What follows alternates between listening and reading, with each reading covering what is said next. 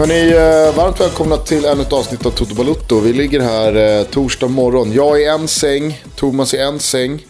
Eh, det skiljer betydligt färre mil mellan oss den här gången än sist. Då var jag i Palma, du i Rönninge. Nu är du ute i skärgården, jag är hemma i Stockholms förorter igen. Du ligger och minns dagar du var glad som supporter. Och att de aldrig kommer komma igen. Ja, egentligen så är det två känslor som uppfyller mig just nu. Den ena känslan det är att jag bara vill eh, härifrån. Eh, och att jag är jävligt säker på att det här är sista gången som jag firar en sommar i Sverige. Det är, det är ju det sämsta man kan göra. Tänker du på vädret då eller? Nej, alltså, framförallt så är det väl kanske vädret. Men just det här med att få två stycken veckor, kunna sitta ute och käka eh, och ha den garantin. Nu har juli varit, eh, i alla fall i Stockholm, riktigt eh, dåligt för att vara juliväder. Nu ska vi inte sitta här och snacka väder, men, men, men det, är ändå, det, är en, det, det är ju med hat och ganska mycket aggression som jag liksom tittar ut här. Eh, ganska fin utsikt ute på Yxland, men, men, men jag, känner, jag känner ju starkt emot min uh, tjejs familj som alltid har firat här ute. Alltså, jag känner nästan, känner nästan hat mot dem. Hur kan ni ha gjort det? Va? Ja. Ta en fika nere på, på berget, det är inte riktigt min grej. Så uh, nej, just nu så längtar jag till september, uh, då ska jag till Toscana i två veckor. Men uh, det, det man då får tid till när det är så här värdelöst, när man liksom dricker kaffe på Klippan och äter en banan till eftermiddagsmål, kanske en kopp, eh, höll jag på att säga en kopp, men en eh, tallrik kräm som man håller på med när man har svensk sommar. Det är ju att kolla på så här gamla, man, man, man får till dels att läsa men också kolla på äh, gamla matcher höll jag på att säga, men det gör man inte riktigt i sin helhet, men gamla mål. Och jag har då fastnat äh, på gamla AIK Europamål, eftersom AIK spelar Europa League så har äh, klubben valt att minnas detta på Facebook. Och jävlar, då kommer ju ditt favoritmål, alla kategorier eh, svenskt eh, lag i Europa. Du kan ju berätta det själv, Gusten. Nej, alltså det är inte ens bara svenskt lag i Europa, utan det är ju det bästa fotbollsmål som någonsin gjorts. Det, är så långt du drog det. Ja, ja. Svenska lag i Europa, då är vi ju nere på ett ganska så skralt utbud. Eh, utan eh, Pagges eh, Pascal Simpson, alltså, hans inköttning av boll och Busquets eh, i eh, Camp Nous ena kasse efter bara en minut när AIK möter Barca i cupvinnarcupen va? 1997. Det är ju, för alla er som inte har sett det, kanske sommarens bästa och mest värda YouTubning. Och det är oavsett vilket lag man håller på. Vi kan ju påminna om att du är neutral i det här fallet. Men eh, jag ser ju målet eh, medan vi pratar här nu. Det är ju frispark. Ja, alltså idag kanske det är frispark. Exakt, idag är det ju frispark. Här är det ju läge att applicera tårtskalan. Faktum är att Busquets klagar ju inte ens på domaren här. Nej, inte en enda Barca-spelare är väl framme och Nej. gör anspråk på att det, det borde ha kommit en vissla. Så att Nej, eh, vi inte. kanske har att göra med en tidsepokmässig tårtskala här. Där åtta av åtta tårtbitar hade skurits upp för 20 år sedan. Medan Ja. idag så kanske det snarare hade varit 6-8. Ja, men exakt. Ja, men det, det håller jag med om. Alltså till fördel för inte frispark, eller? Ja, två, två domare kanske hade blåst idag. Ja, men det kan jag faktiskt hålla med om. Tårtskalan gör sig påmind igen. Då blir jag glad, Gusten. Ja, verkligen. alltid roligt när ens kreationer helt plötsligt studsar upp. Fortsätt använda tårtska- tårtskalan, hörni alla där ute. Det tycker Men- vi är roligt. På tal om svenska mål i Europa så vart det ju inte många fler för Malmö än Marcus Rosenbergs straffmål borta mot Vardar. Jag kom hem från eh, Mallis igår då. och eh, missade den här matchen i förrgår. Men vad jag förstod så eh, stod eh, MFF för en riktigt sval insats. Och Vardar vann till slut rättvist. Jag antar att du såg matchen. Ja, jag såg inte riktigt hela, för jag hade varit nere och meckat med bå- båtmotorn. Eh, du, nu känner ju du mig, kanske inte alla lyssnare, men just det här med att, att mecka med båtmotorer, det är väl inte riktigt eh, min grej. Nej, det är, jag vet inte. För att jag, kan, jag, jag vet inte ens hur man lyfter upp en båtmotor. Men du kan ju gissa. Men eh, någonting skulle göras. Jag var där nere och pulade på den. Nej, jag kom upp och, och såg eh, andra halvlek. Och det var under andra halvlek som det verkligen brast sådär. Spelmässigt inte minst. Och det, det jag tycker är intressant lite det här efterspelet. Eh, Magnus Persson var ju ett kritiserat val av många i vintras. Och sen så har man väl egentligen bara gått och väntat på att det ska verkligen släppa rent spelmässigt för Malmö. För det är ju, resultaten har ju gått deras väg. De leder allsvenskan med 6 poäng. Pontus Jansson såg jag sa i, i KVP häromdagen att eh, det är 100% att Malmö kommer vinna allsvenskan. Och kanske är inte riktigt då på Ponnes spår att det är 100% men, men eh, det, det, sannolikheten är väldigt stor i alla fall att de kommer ta det. Men nu, har ju, nu efter det här Europauttåget så har det ju verkligen vänt då. Och så minns ju alla att eh, Allan Korn, eller det var Jonas Dahlqvist tror jag det var, som minns att Allan Korn fick typ sparken för att Malmö FF åkte ur Svenska, svenska cupen. Mm. Eller inte vann Svenska cupen. Eh, och sen eh, helt plötsligt då, trots att man leder med sex poäng eh, och man är ute ur Champions League, så, så är han en kritiserad tränare som går in i nästa allsvenska omgång. Ja, alltså verkligen. Och så länge, så länge Malmö hade det här Champions League-kvalet framför sig och man parkerade på en första plats i den allsvenska tabellen så kändes det som att folk som valde att fokusera på eh, situationen med Eikrem och i viss mån Berget, de utgående kontrakten och så vidare och så vidare. Det var ju snarare människor som då sökte problem än att fokusera på det som faktiskt är otvivelaktigt eh, topp-topp i Malmö. Men efter att ha åkt ut Champions League redan i ett stadie som gör att man bränner Europa League-bakdörren. Och mm nu då går in i en eh, allsvensk sensommar, höst med den kontrakts, kontraktssituationen de har. Jag tror att det totalt är 11 kontrakt som är utgående. Och det är väl inte så jävla konstigt att man har utgående kontrakt eh, på spelare i, eh, i svenska klubbar. Det det är väl ibland ganska sunt att ha utgående kontrakt. Eh, det... ja, speciellt om man, men allting handlar ju om att man, man har en plan. Ja men för, exakt. För, för, inte bara alltså individen utan eh, kollektivt. Så, så, vart vill vi någonstans? Ja. Och jag Vilka tror vi på? Jag tycker att det inte bara är kring Malmö som det har surrats lite för mycket om utgående kontrakt i sig. Som en negativ grej senaste tiden. Utan det har funnits både kring Blåvitt, kring AIK. Att det är liksom så här, jaha, det är nio stycken utgående kontrakt. Det är jävligt dåligt det, det, måste, det måste ju få vara så att man tittar på varje enskild spelare individuellt. Vem är det som sitter på utgående kontrakt? Alltså, man kan ju inte bara bunta ihop det i ett antal och sätta ett lika med tecken att ju fler utgående kontrakt desto sämre. Nej, men däremot så kan det ju vara en varningssignal om man ser att man sitter på väldigt många utgående kontrakt. Och, och precis som jag var inne på, alltså, det, det, det, känns som att det inte finns en startelva till nästa år. Eh, och man inser att det kommer behöva göras ett stort jobb eh, under det som är vintertransferfönstret. Så det, det, det är väl snarare det många, många av de här supporterna till eh, till exempel Malmö FF eh, känner att vad, vad, är, vad är det som händer? Vad är planen för framtiden? Ja, verkligen. Eh, och jag tror att eh, man inte ska underskatta heller eh, den eh, jävligt tunga smäll som attraktionskraften i Malmö FF tog av det här uttåget. Dels är det faktum att man inte längre kvalar vidare mot Europaspel i höst. Och dels också att man kanske rent självkänslomässigt kände att vi hade ett riktigt bra lag. Vi möter liksom BK Badboll, FK Vardar mot, eh, från Skopje i Makedonien. Och ändå så åker vi på däng.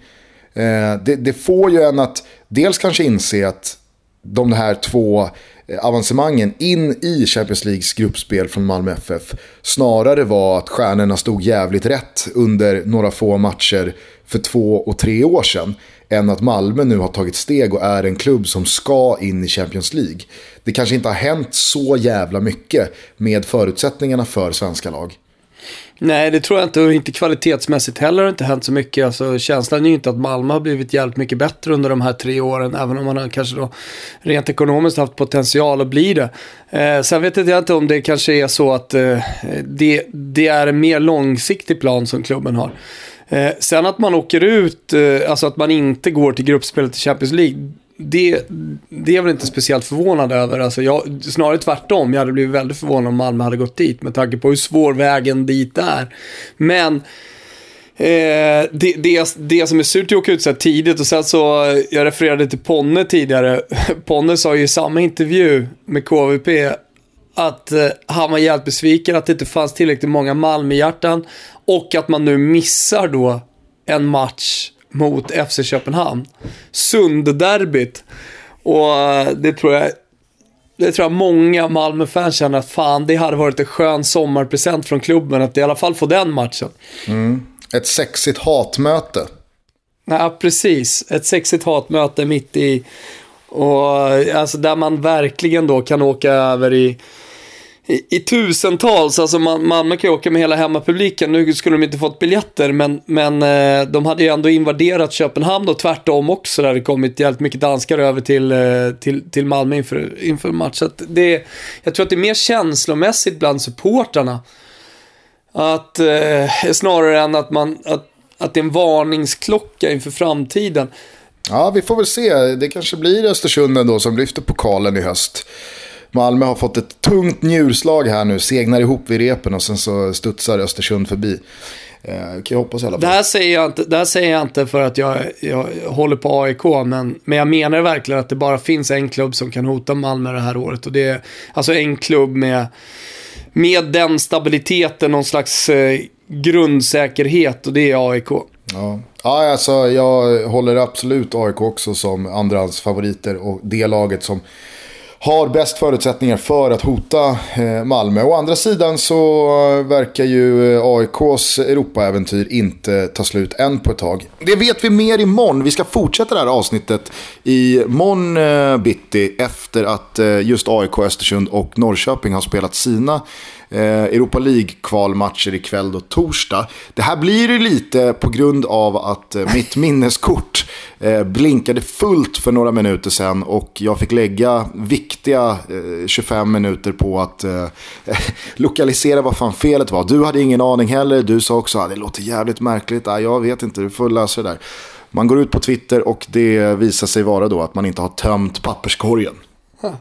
Nej, det är så uselt. Och ni förstår ju liksom, när man inte kan sitta och hålla superproducent Kim Wirsén i handen då är vi, då är vi jävligt sköra. Då, då lever Toto Balotto jävligt farligt och, och där förstår man också hur viktig superproducent Kim Wirsén är för uh, vår existens faktiskt. Han är ju, han är ju våran Andrea Agnelli, Beppe Marotta, Fabio Paratici, fast är en person. Exakt.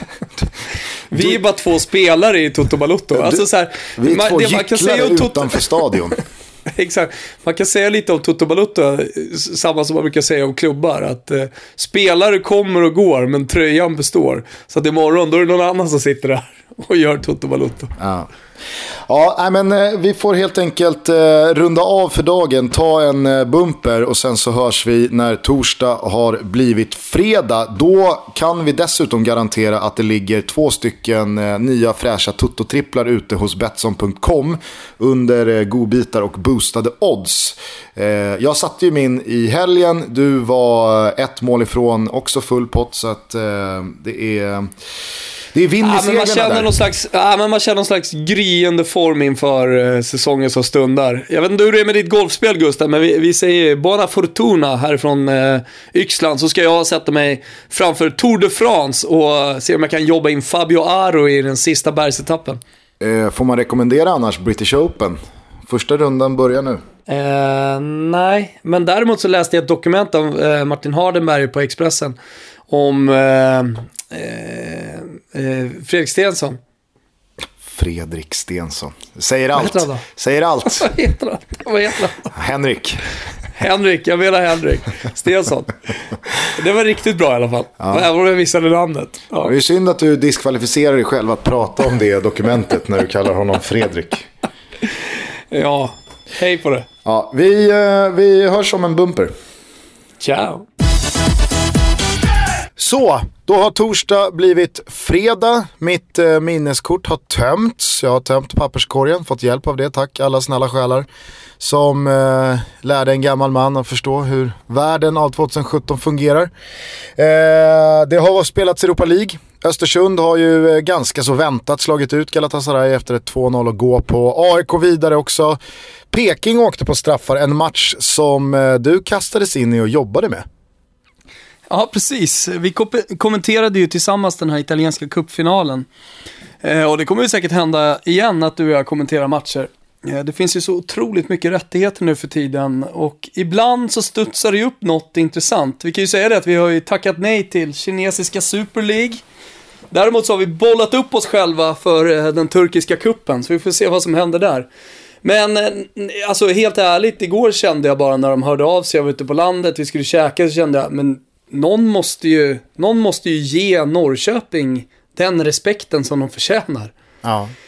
Eh, någon måste kommentera, jag var, ja men jag, jag hade ju, jag hade ju middag och allt möjligt. Så jag kände som att jag, oavsett resultat av kommenteringen, eh, jag har inte sett så mycket reaktioner, men oavsett resultat, jag kunde ingenting om Trakai som de mötte, litauiska Trakai. Eh, men eh, oavsett kommenteringen så, så tyckte jag ändå att, eh, ja, det, det var någonting. Och eh, Norrköpingssupportrarna som inte kunde vara på plats, de eh, fick i alla fall kunna se matchen. Däremot så eh, fick de ju inte något resultat att glädjas över. Man åkte ut på straffar. Eh, var... Fy fan vad dåligt det var. Nej, det var riktigt dåligt. Alltså, bland det sämsta jag sett ett svenskt lag prestera i Europa. Och speciellt då med tanke på motståndet. Det var ju inte så att man hade underskattat Trakai. Man vann ju 2-1 första mötet. Eh, utan det här, det här var ett riktigt dynglag på en eh, liten arena. De spelade någon slags knatteturnering precis bredvid. Men det som, det som var lite roligt, det var ju dramat, alltså sådär som neutral, så var ju dramat roligt. Det blev förlängning och sen sedermera straffar också. Eh, men jag skulle säga det, det var ju en riktig hjälte där. Kalle Ågren har jag fått reda på att han heter. Som måste ha stått precis bredvid eh, micken. Mm -hmm. Alltså eh, som arena, eh, arenaljudet så att säga. Som man plockade upp arenaljudet med. Och han stod och gormade hela matchen. Eh, och han, han lät ju så högt så att det blev ju min bisittare, vare sig jag ville eller inte, under matchen. Ja. Och han... ja, det var några riktigt, riktigt klassiska Eh, gormningar från eh, Kalle Ågen. Jag fick ju sen höra att han var någon eh, superprofil bland eh, Norrköpingsfolket. Bor i Motala. Han, ha, han ska ha gjort hela uppfarten i, som ett stort Norrköpingsemblem, om jag förstått det hela rätt.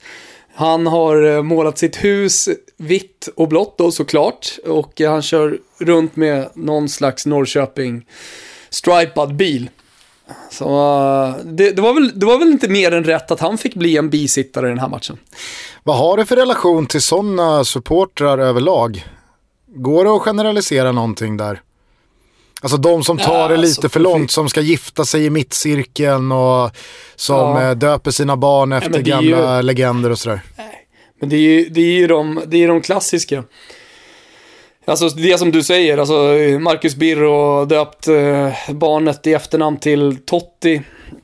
Eh, eller mellannamn. Jag har ju sett flera som har gjort det. Det är väl, det är väl mer vanligt nu bland eh, Roma-supportrar att man döper sitt eh, förstfödde barn om det blir en kille till Totti i mellannamn.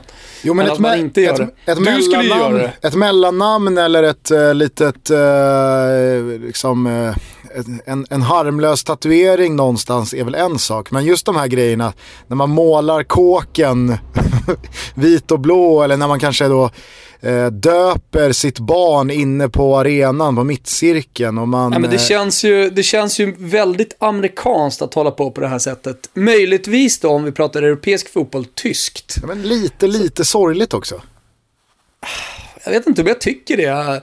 Alltså folk samlar på frimärken och håller på med sina båtar. Eh, kolla på dig bara. Nu har vi varit ute och spelat golf och skjutit upp hela den här inspelningen med 4-5 timmar. Eh, tackade nej till att kommentera igår och ja, men jag, tyck, jag tycker att det, det är liksom... Det finns, eh, det finns andra Uh, intressen som, som kan störa mig mer än att någon målar om sitt hus. Tacka nej till kommenteringen igår gjorde jag ju för att jag faktiskt ville hålla ordentlig koll på både AIK och Östersundsmatchen. Ja, eh, det, men det var ju bra att vi delade upp oss. På förhand var ju Litauen eh, mot Peking, det var ju den osexigaste matchen. Eh. Jo, men du vill ju inte göra, det handlar ju om att du vill inte göra någonting som är osexigt. Du vill ju bara göra de stora, fina grejerna. Däremot så kan jag bjuda på en liten nugget att eh, jag när jag var yngre då i min fascination och eh, nästan osunda relation till Sylvester Stallone och i första hand då Rocky-filmerna länge hade planer på att min förstfödda son han skulle heta Sylvester. Eh, men åren gick och man, eh, man landade ju på fötterna till slut och insåg att jag kan inte döpa en jävla unge till Sylvester. Så jag kan att, tycka att Sylvester är ett jävla fint namn. Nu när du bollar upp dem, jag får en fjärde så kanske Sylvester är där. Samtidigt så vet vi att det simmar ju inte många pojkar i uh, din lilla pung. Nej, uppenbarligen så gör det inte det. Du skjuter ju Nej. bara tjejskott. Ja, men det finns inte så jävla mycket att säga om, eh, om eh, Peking förutom att de är i ruggigt dålig form. Jag menar, ja, alltså, Mito Nilssons comeback mot AIK, alltså Mito Nilsson räddade dem i den matchen. Här så eh, hade ju Litauen, eller Litauen, här hade ju Trakai inte speciellt mycket chanser. Men, men man såg ändå att Mito Nilsson kommer bli viktig under hösten. Ja men alltså eh. matchen i sig är väl vad det är och uttåget är ju ett eh, betydligt hårdare slag än kanske den aktuella formen. Men det som håller på att hända med Peking just nu, det är ju att vi kanske ser dem till slut eh, tända av från den här eh, sanslösa trippen man har varit ute på i nästan två år. Ja, eller i två år eh, exakt. Det var ju många som räknade bort eh, Norrköping efter att man tog SM-guldet 2015. Man trodde inte att de skulle kunna återupprepa den bedriften. Man trodde att eh, många bärande spelare skulle försvinna och med dem också betydande kvalitetsskillnader. Nu eh, blev det ju inget guld 2016 men man pressade ju Malmö ganska länge och man eh, överpresterade väl igen och tystade många som inte trodde att man skulle vara med toppen att göra. Dessutom lyckades man ju faktiskt också klara sig väldigt bra utan till exempel då Emir Kujovic som försvann, Totte Nyman försvann, Traustason försvann, Fransson försvann. Så att man har ju, man har ju upprätthållit en, en jävla hög nivå och spelat en väldigt fin fotboll. Men jag tycker mig se i de här senaste veckorna efter det här u uppehållet så känns det som att Norrköping har nu tappat lite för mycket slagstyrka. Man har redan sålt Bärkrot. Nu talar väl ganska mycket för att Eliasson följer efter. Eh, och visst, man har fått tillbaka Mitov Nilsson och Simon Skrabb eh, ska väl snart börja ta lite steg som skadefri och, och växa ja, in i det där. Ja, riktigt bra igår faktiskt. Men det känns som att den här förlusten också hemma mot Elfsborg för två allsvenska omgångar sen också var en indikator på att Peking inte längre är eh, en, en, en segermaskin som mot 12-13 allsvenska lag på hemmaplan bara eh, slaktar rent. Utan eh, man har nog kommit in i eh, en, en, eh, en liten, liten dipp här som är Nej, bör, det, början på, början det på återgången till... För, för alla mellanstora, eller för all del också stora svenska klubbar. Alltså när, när man börjar spela sen, oavsett när den här reaktionen kommer så känns det som att den alltid kommer. Efter ett SM-guld, kanske är det då Malmö emot här, men, men då, då är det tufft att behålla spelare, eller framförallt så är det tufft, behålla spelare kan man inte göra, det kommer man aldrig kunna göra i Sverige.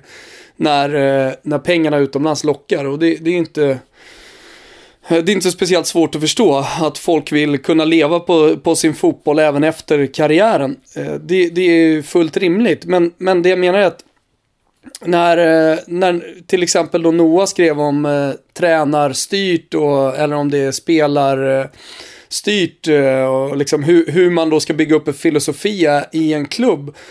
Eh, så tror jag tyvärr att för Östersund, och det har inget med vårt bett att göra, men jag tror för Östersund att eh, de kommer också gå en liknande framtid till mötes. Och sen så exakt eh, vad det leder till, om det blir superettan eller Eh, alltså exakt hur stor den kvalitets, eller kvalitet, den, den resultatdippen blir, alltså hur mycket man tappar rent sportsligt, det vet jag inte. Men, men eh, just nu så hänger ju allting också på en nyckelspelare och det, det är Potter.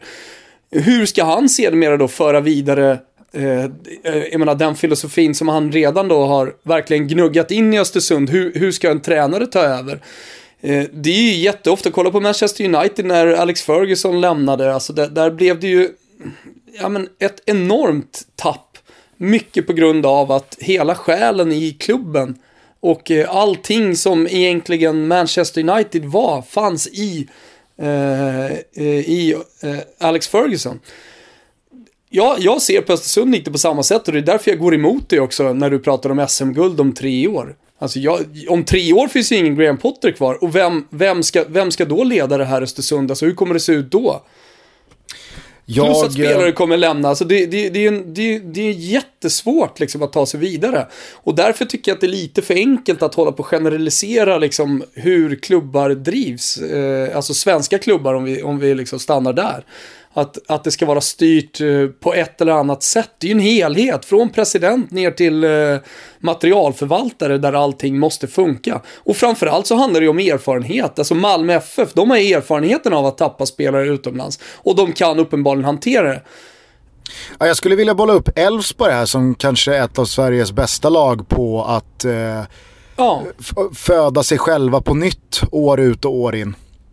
De har ju faktiskt, eh, jag tror att Elfsborg har flest SM-medaljer senaste tio åren. Eh, sen guldet 2006. Eh, och det säger ju någonting om Elfsborg att de gör jävligt mycket rätt och är väldigt bra på att eh, ta en framgång som svenska klubbar måste ta en framgång. Alltså att man kommer behöva bli av med sina bärande spelare. Men man har hela tiden lyckats eh, få in ersättare, man har lyckats få fram nya egna talanger som kan fylla de luckorna. Man har scoutat och eh, gjort eh, en del sunda värvningar. Sen går det absolut och argumentera för att Elfsborg kanske har eh, bommat ännu bättre placeringar och kanske något guld eller två till genom att inte ha spenderat pengar på den här spetsspelaren som några andra klubbar har tagit in. Å andra sidan så försökte man väl med Mohamed Bangura, det gick åt helvete och sen så var det bara tillbaka till Boråslinjen igen. Och det, upp, det fungerar ju uppenbarligen väldigt bra. De säljer ju av sina bästa spelare år ut och år in, men de gör lik förbannat fortfarande ganska bra resultat. Är det någonting som verkligen gör skillnad, om vi nu ska prata om helhet och om, om linjer och liksom långsiktighet, så är det ju dels en, eh, en välfungerande ungdomsverksamhet där man hela tiden får upp kanske ett par, tre spelare eh, som får testa med A-laget, där kanske en, två då eh, även till och med slås in och blir startspelare. Och Eh, även sportchefen, alltså en sportchef som hela tiden jobbar långsiktigt, som jobbar 365 dagar, fucking 24 timmar eh, om dygnet med att eh, se till att, eh, ja, men, att, att hantera allt det här som vi pratade om tidigare med, med spelare som lämnar, med kontrakt som ska förnyas. Eh, ja, ja, mycket, mycket, mycket mer än än tränare känner jag. Mm. Eh, jag, jag, måste bara säga det, jag håller, jag, jag håller ju med dig om att det, det, var en väldigt svår situation där efter Sir Alex, det, det vet ju alla. Eh, och jag kan känna att valet av David Moyes, ah, det kanske inte var så jävla fel, det som var fel. Fan, jag kan tänka på det väldigt många gånger. Alltså att han inte fick mer tålamod och att han inte fick längre tid på sig, David Moyes alltså. Oh. Måste, han måste vara så bitter över att det blev som det blev. Ja, men alla visste ju att det skulle komma en downperiod direkt efter och det visste väl han säkerligen också.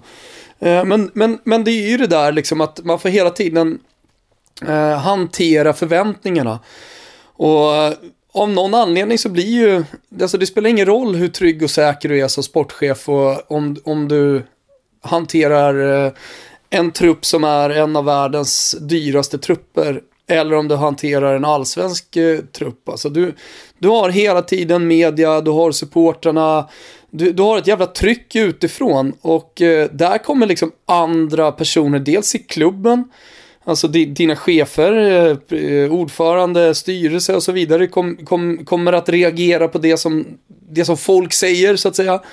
Eh, och, eh, och till slut så, så, om, om det går för långt så blir det ett för stort tryck och då, då, då, då byts det. Så det, det är ju väldigt sällan, speciellt på tränar bänk, eller på tränarhållet, som man faktiskt står på sig. Ah. Alltså, även, alltså om, om, om förväntningarna och målsättningarna liksom inte nås, då, då, är det ju, då är det ju vanligt att man byter. Men ska vi då knyta ihop säcken kring det här då med att höja en liten eh, väldigt väntad och väldigt normal varningsflagg för att Peking kanske börjar gå mot lite dystrare tider? Ja, samtidigt så finns det många unga spelare och... Ja, men jag tror så här, man är inne i en svacka, sen så tror jag man kommer komma tillbaka. Så jag vet inte om det, om, om det kommer leda till att man är med i någon slags SM-gulddiskussion nästa säsong. Eh, eller om man studsar tillbaka här un, under, eh, under hösten. Men jag tycker att det handlar väldigt mycket också om eh, de andra klubbarna, vad de kommer göra. Mm. Jag tror inte att Malmö FF kommer förlora jättemånga matcher, vilket då gör att eh, Norrköping inte har råd att ha en månads svacka i allsvenskan. Jag tror heller inte att AIK kommer ha en speciellt eh, många förluster med tanke på hur stabila de ser ut eh, just nu och att man har gjort, eh, vad det verkar i alla fall, bra värvningar dessutom.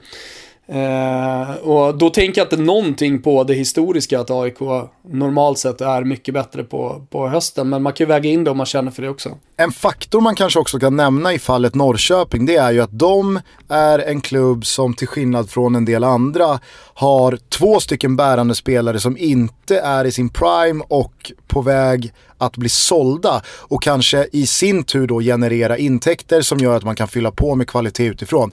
Utan det är två spelare som börjar bli till åren och jag vet att de fortfarande håller en väldigt hög nivå. Men det är ju eh, givetvis så att Daniel Sjölund och Andreas Johansson inte kommer vara några konstanter i ett eh, allsvenskt topplag och höja det laget speciellt länge till. Där sitter man ju också i, all, i en knepig sits som klubb, som tränare, som eh, eh ledare ovanför eh, tränarna också. När de här bärande kultfigurerna, lagkaptenerna som har varit nyckel eh, och förgrundsfigurer till ett guld börjar bli lite till åren. Ska vi fortsätta? Är de här så givna? Man hamnar ju i en, man hamnar i en jobbig sits där också. Jag tror att Norrköping kommer få jättemycket problem när Daniel Sjölund och Andreas Johansson tappar några procent vilket de kanske faktiskt redan har gjort kontrat eh, SM-guldsäsongen 15 och hur man då förhåller sig till det.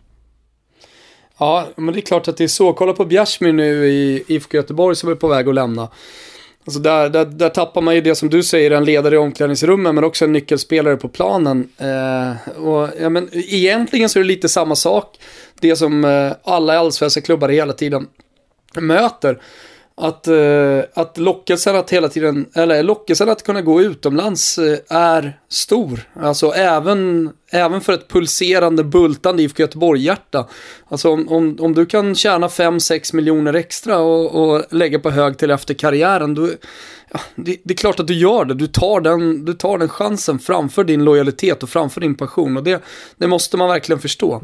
Sen, ja. så, sen så finns det där i olika skalor. Alltså jag menar, Eh, jag förstår att folk har lite problem med en spelare som redan tjänar 40 miljoner netto per år som pushar upp det med, till 50-60 miljoner netto och byter till en lokal rival, eller till en rival om, om en titel liksom, i de här storklubbarna. Det, det kan jag verkligen fatta. Eh, men, men här, här handlar det om att säkra liksom en ekonomisk framtid för sin familj. Och det måste man ha en jävla respekt för. Ja. Jag är ju helt medveten om att det, det skiljer verkligen oceaner när det kommer dels då till kontraktslängd, ålder, men framförallt också kvalitet på Mattias Bjärsmyr kontrat då en eh, till exempel Alvaro Morata. Men jävla vad uppfriskande det är att de här eh, dagarna läsa om övergångssummor på 300 000 kronor. Ja, det, ja, det är det. Som en liten kontrast då till 750 miljoner för Morata till Chelsea.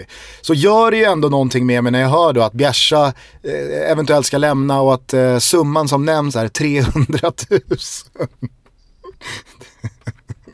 det är härligt. Ja. Men du, eh, när du ändå pratar om Morata, vi var ju tidigt på den pucken, eller jag, jag reagerade på att han skulle kosta 70 miljoner euro. Och det har ju pushats lite extra nu. Det har ju blivit, eh, vadå, både 80-90 miljoner euro till slut för Chelsea. Ja, jag så det senaste jag läste var bara 750. Ja, Men eh, det kanske har slagits på några bonusar och klausuler. Ja, det är mycket pengar och stora förväntningar på Alvaro Morata. När, när jag var skeptisk till den summan, då menar jag att man inte köper en gar garanti. Alltså du får inte de här 20 målen som jag tycker att andra spelare för samma prislapp liksom kan garantera. Men eh, det är ju möjligt att eh, Antonio Conte. Den här gången får han ju honom. Senast när han fick eh, Alvaro Morata så lämnade han ju Juventus med orden att eh, du kan inte äta på en 100 euros restaurang med, med en tia. Han var ju missnöjd med eh, vad, hur Juventus värvade och den planen som han hade satt upp för sommaren. Han, han kände väl att han inte kunde på egen hand då eh, förbättra laget med, eh, med, med de spelare som var på väg in. Alvaro Morata var ju en. Nu får han honom i alla fall. Eh, och det, det, är mycket möjligt att han kan göra honom superbra, att han passar perfekt in i, i det här Chelsea-laget. Men man måste ändå vänta och se lite vad som händer ytterligare. Man glömmer bort det lite nu när man hyllar Milan och eh, tycker att det är helt häftigt att de har köpt mycket spelare. Många, många supportrar som eh, inte, eller som, som är supportrar till lag som inte riktigt har hakat på i den här värvningshetsen i inledningen. Men hallå, det är ju en och en halv, ja, Premier League börjar man i mitten på augusti, men transferfönstret är ju öppet i en och en halv månad till. Stänger inte förrän, jag tror att det var andra, tredje september. Så att jag menar, det finns ju fortfarande tid för klubbarna att eh, finslipa på de här trupperna. Jag har sett många Inter-supportrar som såklart då ser eh, kusinen från Milano eh, värva stort och värva mycket och känner att vad fan, vad, vad, vad händer här då? Men då ska man komma ihåg att eh, i många av de här klubbarna så är det också en ny tränare. I Inters fall så har Spalletti precis kommit in. Kommit in. Förra året så värvade man för en, en och en halv miljard. Så mycket spelare som dels har dyra löner och mycket spelare som har kostat jävligt mycket pengar som har kommit in. Och eh, det, det det, det, är klart att Spalletti ska få möjligheten att sätta, att lägga sin hand och på, dels på laget och känna på försäsongen vad, vad som kommer funka och inte funka. Jo men alltså spelare som eh, för ett år sedan värvades för 2, 3, 400, 500 miljoner kronor och som var jävligt hyllade och efterlängtade värvningar till Inter har ju inte tappat all kvalitet som eh, de har inneboende. Det är väl klart att det, det finns, ja, det ju, det finns ju spelare att göra rätt med där också. Ja, men det är ju faktiskt jävligt ofta spelare med, den här, med de här extrema talangerna får ja, men, eh, kommer tillbaka och blir en helt annan eh, lirare när eh, ett, spel, eh, när ett tränarskifte görs. De har ju sett hundra gånger i historien. Så att, eh, det är säkerligen så att spelare som inte har presterat, om vi fortsätter att ta inte som e-, exempel, kommer att leverera stort nu den här kommande säsongen. Jag tänker på en lirare som eh, Jao Pedro, köptes dyrt. Många hade stora förväntningar efter ett fint EM. Men som egentligen inte, ja, det har inte pratats om honom men han har inte synts speciellt mycket. Eh, I, också takt med att Inter inte har eh, eh, rosat marknaden och, och, gjorde en ganska svag säsong utifrån förväntningarna också. Men, men eh, jag, jag, känns lite som att Inter är en av de klubbarna i Europa som just nu sitter inne på flest, alltså den typen av spelare. Sovande jättetalanger som man kan få ut eh, jävligt, jävligt mycket mer av. Kanske ja. bättre då att hitta dem och att låta dem hitta tillbaka med en ny tränare än att se att gräset är grönare på andra sidan och börja värva och börja göra av med lirare. Milan stod inför en helt annan utmaning. Där var det ju ett talanglöst lag i mångt och mycket. Eh, och ett lag som verkligen behövde byggas om för grunden. Så jag förstår att man gör den här sommaren som man gör. Du, på tal om eh, Morata och Chelsea. Tar du vad jag menar när eh, jag säger att Chelsea håller på att bli eh, fotbolls-Europas nya Hansa Rostock? Mm -hmm. Inte riktigt. Nej, vill du fundera i fem sekunder till? Ja, men säg, kör du. Okej. Okay.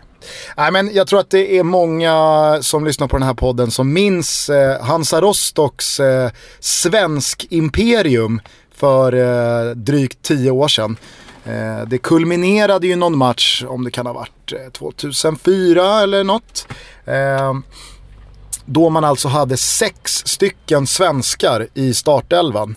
Eh, se om jag tar dem på rak arm. Det var väl både Albeck och Jakobsson och eh, Peter Wibron och Magnus Arvidsson. Eh, ah, här kan folk hjälpa till. Men det var i alla fall eh, sex stycken svenskar i Hansa Rostocks startelva i någon match för 10-13 år sedan. Och nu då så håller ju Chelsea på att eh, bli eh, majoritet med spanjorer i sin startelva.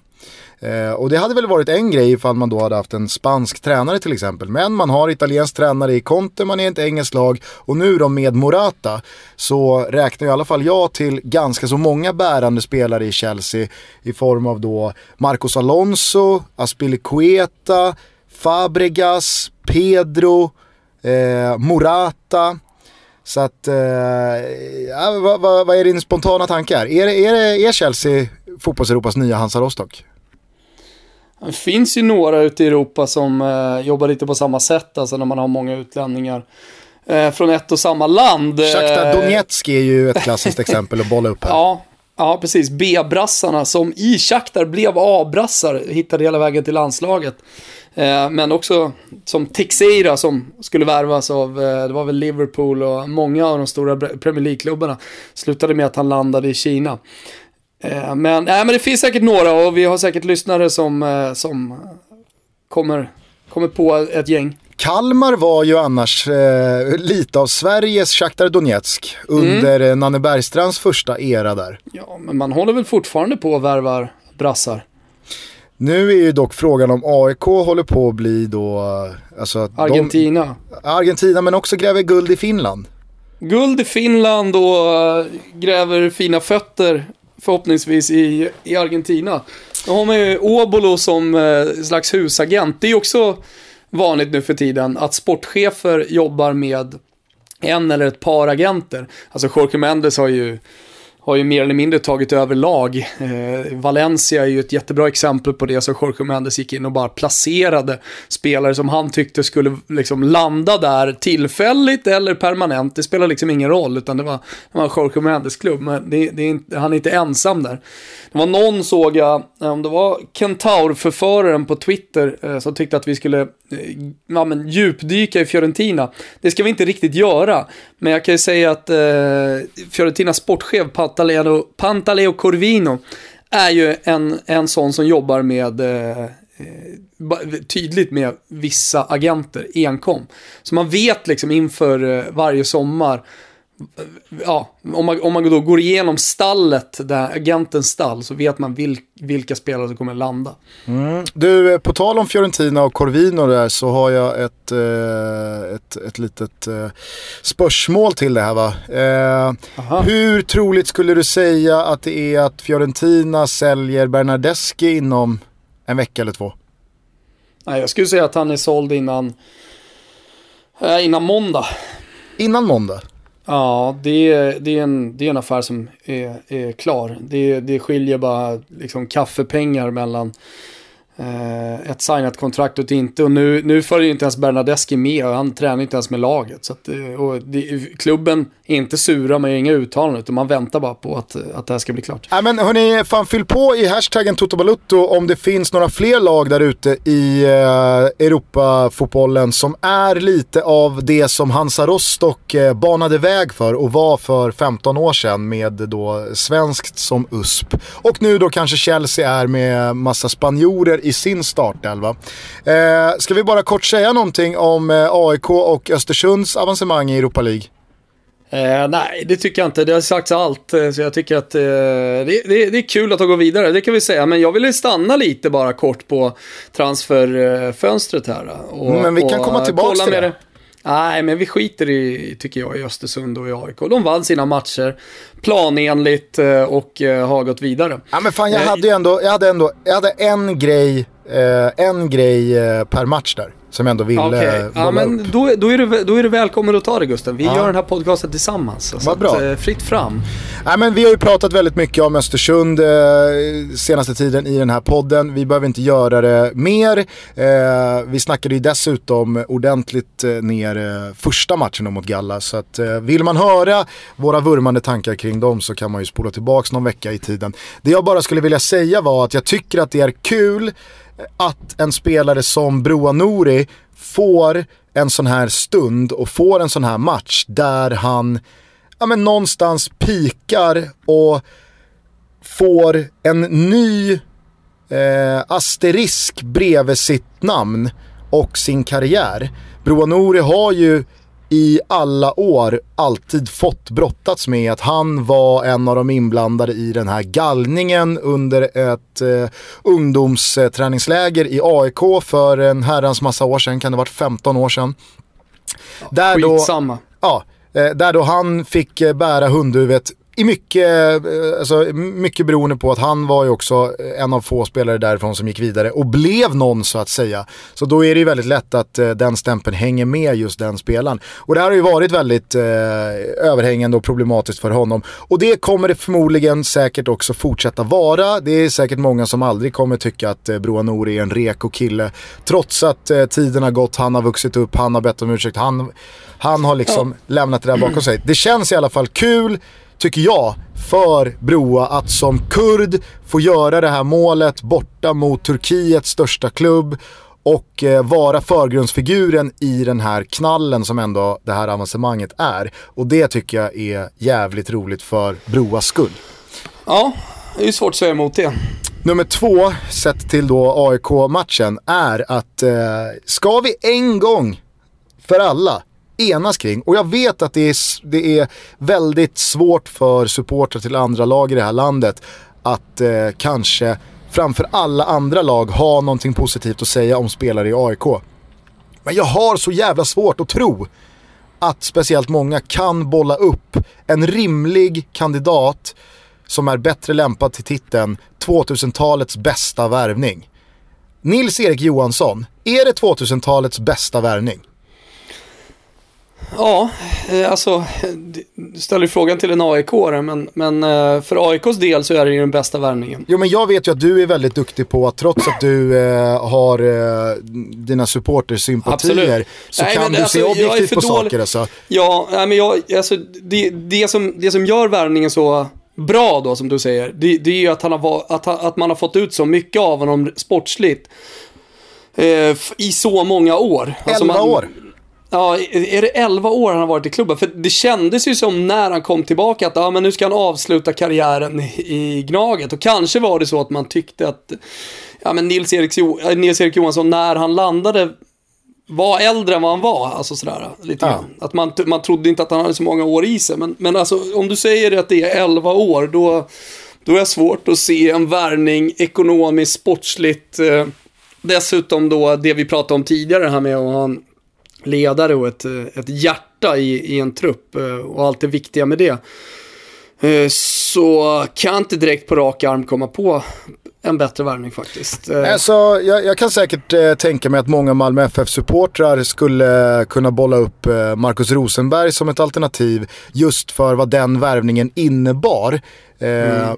I form då av att eh, han nog var den avgörande pusselbiten för att Malmö dels skulle vinna SM-guld igen men också ta sig in i Champions League. Och det blev ju väldigt mycket en symbolvärvning som tog Malmö eh, till en ny nivå och lämnade de flesta klubbarna bakom sig. Så att absolut värvningen i sig, men jag tycker faktiskt att 11 år, 11 nästan skadefria år, 11 år av 90 minuter vecka ut och vecka in Inga kontroverser, inga jättesummor, inga liksom, jag, jag kan knappt minnas ett misstag.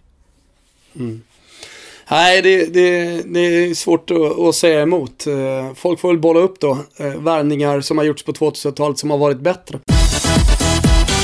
Du, eh, från det ena till det andra, eh, gamla spelare. Såg du, jag vet att vi är kanske lite sena på den här bollen, men eh, jag tycker att den är värd att eh, i alla fall nämna. Efter vårt snack om att italienare är Mamoni och att de gärna inte flyttar mer än en, en, ett kvarter från eh, mamma och pappa så fick vi ett ruggigt exempel på detta inom fotbollsvärlden när Casano här i veckan meddelade klubben på morgonen att han inte, att han river kontraktet och att han lägger ner fotbollskarriären. Mm. Han gick ju till Hellas Verona på free, som free agent eh, och det var ju väldigt många som då såg framför sig ett eh, ganska trevligt år med Alessio Cerci, Antonio Cassano och Pazzini, Gianpaolo Pazzini på topp. Pazzano som de kallades för i Sampdoria. Eh, men då, då ska han ha lämnat anledningen då att han saknade familjen för mycket. Och då är det inte så att familjen bor i Syditalien eller att det är, ja, men det, det är jättelångt bort. Familjen bor i Genua.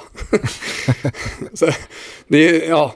och det här ska också ha varit anledning till att han har tackat nej till exempel till att återvända till sin barndomsklubb Bari och andra klubbar då som har varit ute efter honom under eh, de, de här ett och ett halvt åren som har varit lite tunga. Ska du bara, kort för, alla, ska du bara kort för alla lyssnare berätta hur eh, långt avståndet är mellan då Genoa och Verona?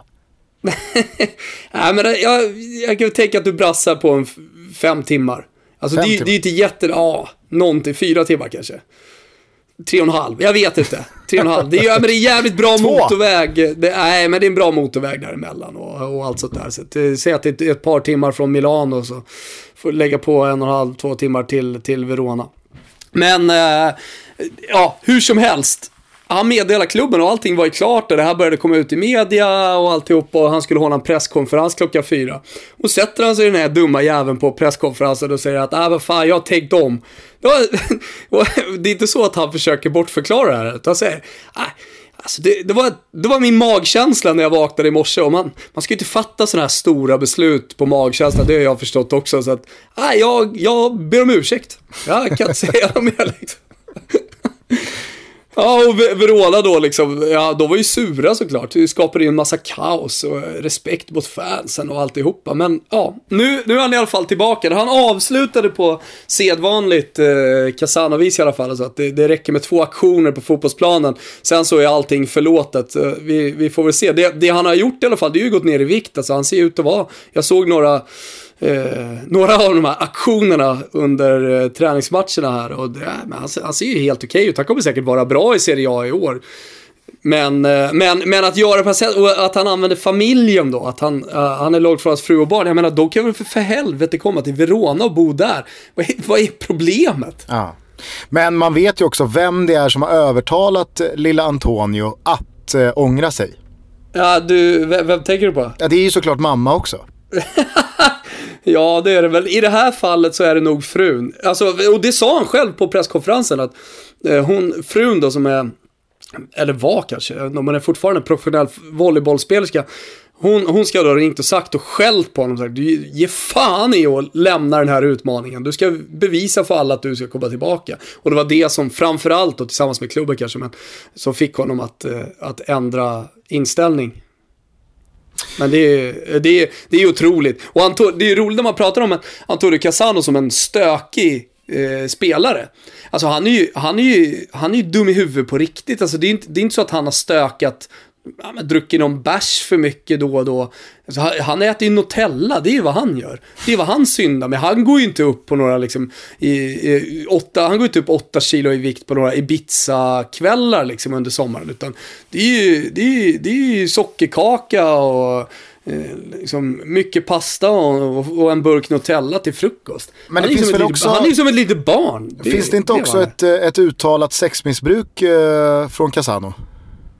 Ja, han har väl knullat, men det, det, är ju också från, uttalat från, hans själv, från han själv säger du. Ja, han sa väl att han knullat med tusen tjejer eller någonting. Tre tusen.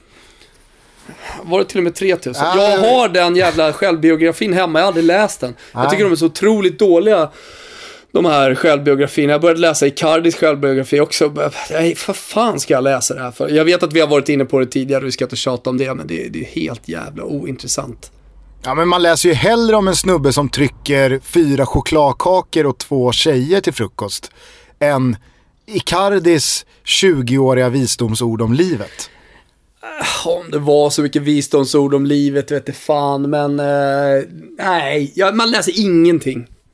Alltså det, det, finns ingen som har någon intressant eh, livshistoria i stort sett. Alltså, de kommer väldigt få, de som kommer ut. Det är som Per Andersson på eh, Expressen, sportchef på Expressen brukar säga, när alla, alla böcker som kommer ut, du vet, det är mycket självbiografier, idrottsstjärnor som har skrivit som kommer till redaktionen. Han säger det är bättre om vi slänger de här direkt för att de är så jävla dåliga hela tiden. Och han läser igenom dem. Och han, han, för han måste, men han, han suckar ju bara. Hör du, eh, det är ju eh, så att vi fortsatt är sponsrade av våra polare på Betsson, givetvis. Vi har börjat Härligt! bygga upp för en eh, ny tävling oss två emellan där vi ska hatta med bollen. Det här har ni hört om tidigare. Det går Får att följa våra lilla hets på Ja. Twitter. Det här kommer gå av stapeln i augusti då, så att alla som undrar eh, och riskerar att tro att man kanske har missat någonting. Det är lugnt på den gatan. Vi Jag kör frågade igång ju i augusti.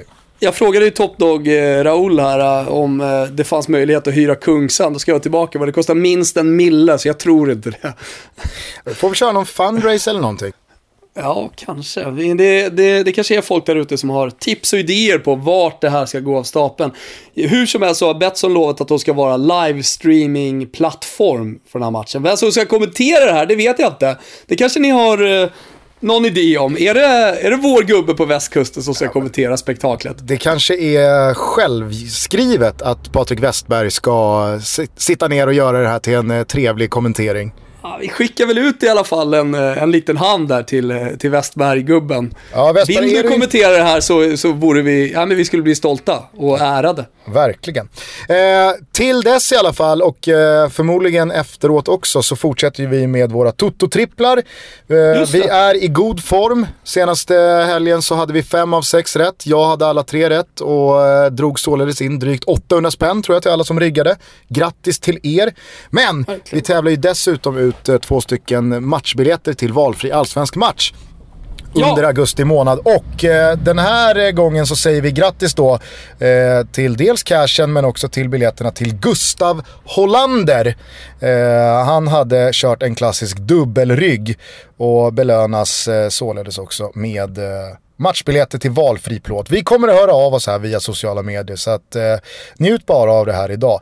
Men vi har ju faktiskt hunnit köra två Toto-tripplar den här månaden redan och eh, det föll i glömska när jag satt eh, på Mallorca i eh, helgen. Så att eh, vi ska också eh, dela ut en eh, vinst också, en kicker med två stycken valfria matchbiljetter till Fredrik som ryggade Toto-trippen för två veckor sedan. Han heter FR31UN på Twitter. Eh, Grattis! Med, med bara då namnet Fredrik så att eh, han får sig ett grattis också. Eh, till helgens då tripplar, jag börjar eh, och jag eh, fokuserar eh, precis som senast på enbart svenska matcher. Jag tror att det blir ett nytt målkalas i matchen mellan IFK Göteborg och Örebro. 4-2 sist. Jörgen Lennartsson har fått sparken. Alf Westerberg har tagit över. In har också Torbjörn Nilsson kommit för att styra upp anfallsspelet. Det ska bli intressant att se om han kan lägga sin eh, målsinnerika näsa direkt på det här eh, laget. Eh, jag tror i alla fall att det här är match... Favorit på att han inte kommer göra det. Ja, så är det. Men jag tror i alla fall att det här är en match som, eh, precis som senast, kommer bli ganska öppen. Och, eh, Örebro har inte så mycket att förlora, Göteborg har allt att förlora, de måste snarare vinna. Så att eh, en Örebro-kasse här borgar ju för ett riktigt eh, målkalas. Jag tror att Dalkurd eh, borta slår IK Frej när Superettan eh, nu gör comeback efter ett månadslångt uppehåll. Och jag tror att det blir ett rejält målfyrverkeri på Tele2 Arena mellan Bayern, Bayern, Bayern, Bayern, Bayern och Elfsborg. Eh, de möttes ju sist, Elfsborg vann med 3-0. Eh, en rättvis seger, men vi vet ju alla vad Jakob Mikkelsen och Hammarby har uträttat på Tele2 hittills i år. Jag tror att man är obesegrade faktiskt. Eh, och man har varit bra där, man gör mycket mål. Elfsborg konstgräslag, Simon Lundevall i toppslag. Ah, den där matchen går ju över 3,5, hör och häpna. Ehm, på tal om Dalkurd, såg du Frank Petterssons eh, tweet här? Tvätten in efter 30 minuter efter träning. 100 kronor i böter. Bad Music, 5000 kronor eh, i böter. Har du sett det? Det är materialaren här, eh, Janne, som har fått nog tydligen. Ja, ja, okej. Spelas för mycket dålig musik. Folk, folk kan inte hantera det här med tvätt och. Man gillar ju när materialare lackar ur. När, när de får ett bryt. Jag spelade i Spånga eh, många säsonger eh, där materialaren Roffe han sa upp sig på stående fot för eh, att eh, en kille vägrade spela i nummer 21. Han ville spela i nian. Men Roffe hade ju fyllt i i eh, spelarregistret och lämnat in till domaren innan de matchen att den här spelaren kommer spela i nummer 21. Sen så kommer då vi in i omklädningsrummet, den här spelaren eh, hittar i väskan då att nian är ledig och säger jag vill spela i nian istället. Roffe säger nej du ska spela i 21. Men nian är ju ledig. Ja, men du ska spela i 21. Hör du inte vad jag säger? Nej, jag ska spela i nian. Jag vägrar spela i 21. Då säger Roffe bara, dra åt helvete. Nu går jag. Så sa han upp finns sig. Många, det finns många, många historier om sura materialare. Vi hade ju Kjelle Persson. Han drog ju inte på smilbanden i onödan. Eh, jo, eh, min Toto-trippel då. Jag tror på tre stycken reaktionssegrar. Så får ni fatta vad jag menar med reaktionssegrar. Malmö minus en, en och en halv. Kalmar rak, DIF rak. Punkt. Tack Betsson! Du, för övrigt, eh, innan vi säger tack eh, Betsson i kör så eh, har ju nyss nåtts av att Kalmar fyller ju på eh, truppen här. Plockar in en riktig kvalitetsspelare, Erton Feitsulao. Ja, jag såg att Disco eh, twittrade tidigare. Ja, men det är ju kul. Mm, välbehövligt tillskott till Grattis Kalmar! Ja, och tack Grattis Betsson. Kalmar. Och tack Betsson. Hörni, sommaren eh, tuffar vidare. Nu är det ju ett par riktigt jävla hårdkokta semesterveckor i huvudstaden. Det är så öde gator här alltså. Det är helt Mm. sjukt. Eh, men livet går ju vidare även utanför den här stan. Fortsätt skicka in bilder på vad ni gör, vart ni lyssnar på oss, eh, vad ni har på tallriken, vad ni har i glaset och så vidare och så vidare. Det är så jävla roligt att se att Toto Balutto verkligen är en rörelse eh, över hela jävla världen. Nej, men det är ju framförallt skönt när man sitter ute på landet och regnet duggar och det står en tallrik jordgubbskräm på bordet att se att eh, det, det finns alternativ till semester. Så att jag lever ju min sommarsemester efter eh, liksom våra, våra lyssnare. Så, så tänk på mig, skicka in bilder. Och sen så kan ni då gå in och rygga våra Toto-tripplar på Betsson.com, ligger under godbitar och boostade odds. Insatsen är 148 kronor, ni screenshotar in dem under hashtaggen Toto-trippen så är ni med och tävlar om eh, nästa kick då. Två stycken eh, matchbiljetter till valfri allsvensk match under augusti månad. Gör också så att ni går in och besöker Bens sociala medier eller för all del deras hemsida. Sätt er in i vad affärsnätverket Business Event Network kan göra för just dig eller ditt företag. Eh, Toto Balutto är ombord, snart tar vi över hela skutan och eh, kommer göra ett par riktigt jävla härliga saker ihop i form då av det här eh, nätverket eh, oss två emellan. Så att eh, businesseventnetwork.se eller deras sociala medier så kommer ni eh, snart fatta allihopa vad det här handlar om. Ja.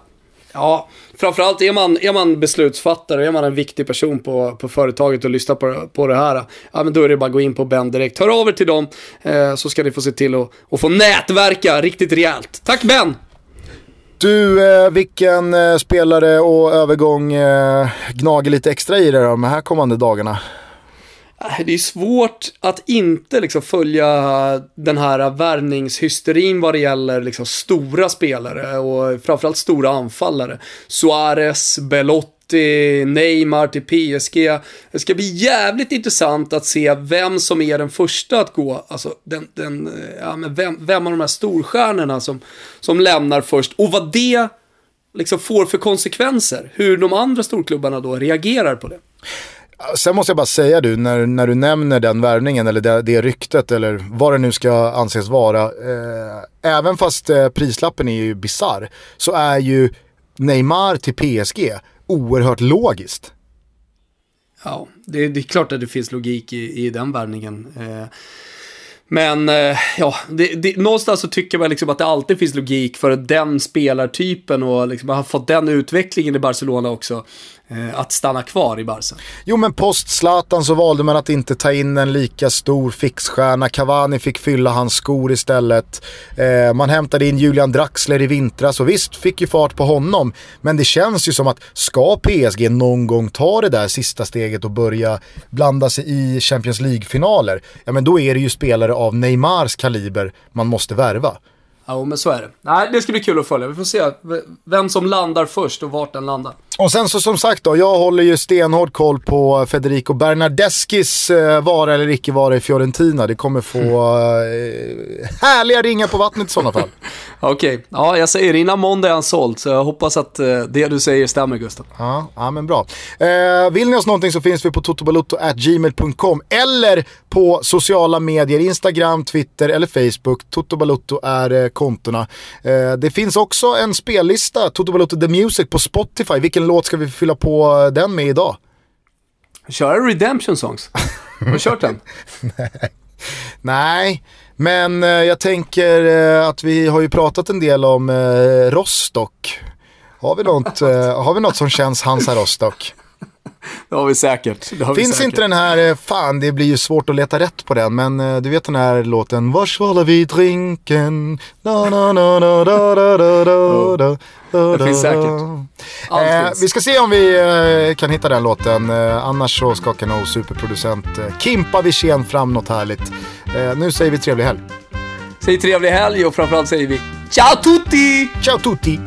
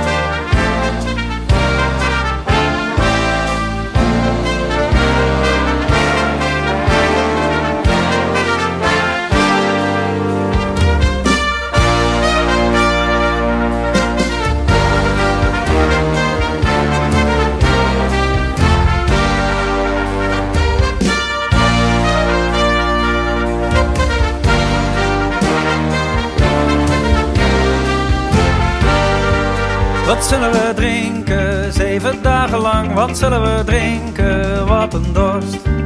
Wat zullen we drinken? Zeven dagen lang. Wat zullen we drinken? Wat een dorst.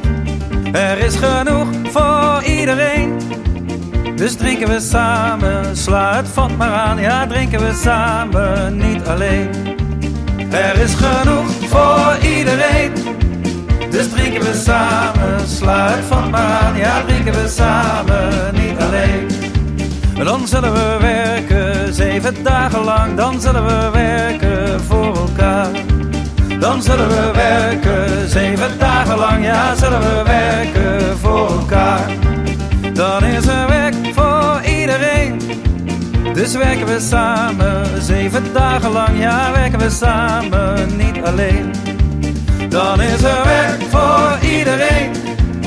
Dus werken we samen, zeven dagen lang, ja werken we samen, niet alleen.